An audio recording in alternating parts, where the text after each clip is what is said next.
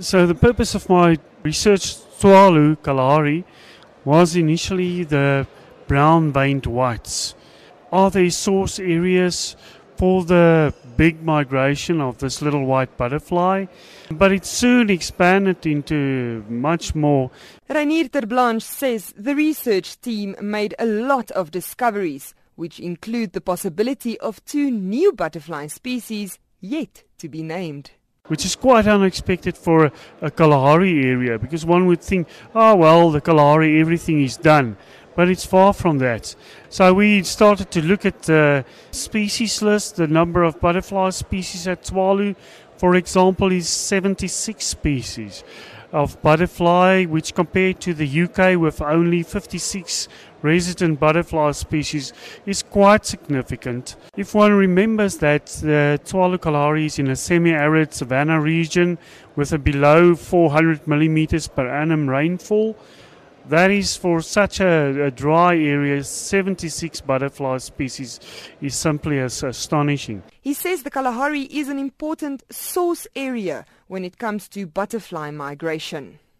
They also found the answer to a research question that has for decades been difficult to answer. We all speculated now for, for decades. What are the life histories of, for example, the Kalahari acraea, which is endemic to the Kalahari areas? And lo and behold, this year in autumn, we discovered the life history, and the key to that was a very interesting plant species called the Adenia repanda. It's a climber, it's a highly toxic plant, but certainly those caterpillars of those acraeas can sequester the toxins, so they are toxic, they are very colorful, such as the butterflies, because they've got these warning colorations and so on. We, for example, saw that there are very habitat specific species, and there are also a number of butterflies that use territorial areas for which is almost an expansion of their habitat. The hilltoppers, which is a favorite at Tswalu because it's got the Korannaberg Mountains there. There are an extraordinary number of butterflies that concentrate at the hilltops during, especially during midday. And it's almost like an airport. You get the arrivals and the departures. Despite all these interesting discoveries, Terblanche wants to emphasize that the conservation of large areas, like the Kalahari, is of great importance for the protection of different butterfly species.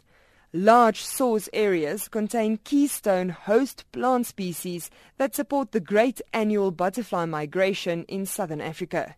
He says small, unique habitat pockets, territorial beacons, and larger source areas of butterfly migration all require a large wilderness area for the effective conservation management of the Kalahari butterfly heritage. We expanded the whole idea of butterfly conservation from only conserving very specific habitat pockets for threatened species and not worrying about the other more common species to a more multifaceted approach. And Tswalu, the Tswalu Kalahari butterfly research opened up so many nice fields also for semi-arid regions and oh, it was just a wonderful journey. Reinier Terblanche is from the University of Stellenbosch's Department of Conservation Ecology. He presented the findings of his butterfly research at the 7th annual Oppenheimer de Beers Group Research Conference in Johannesburg. I'm Hanri Wondergem in Johannesburg.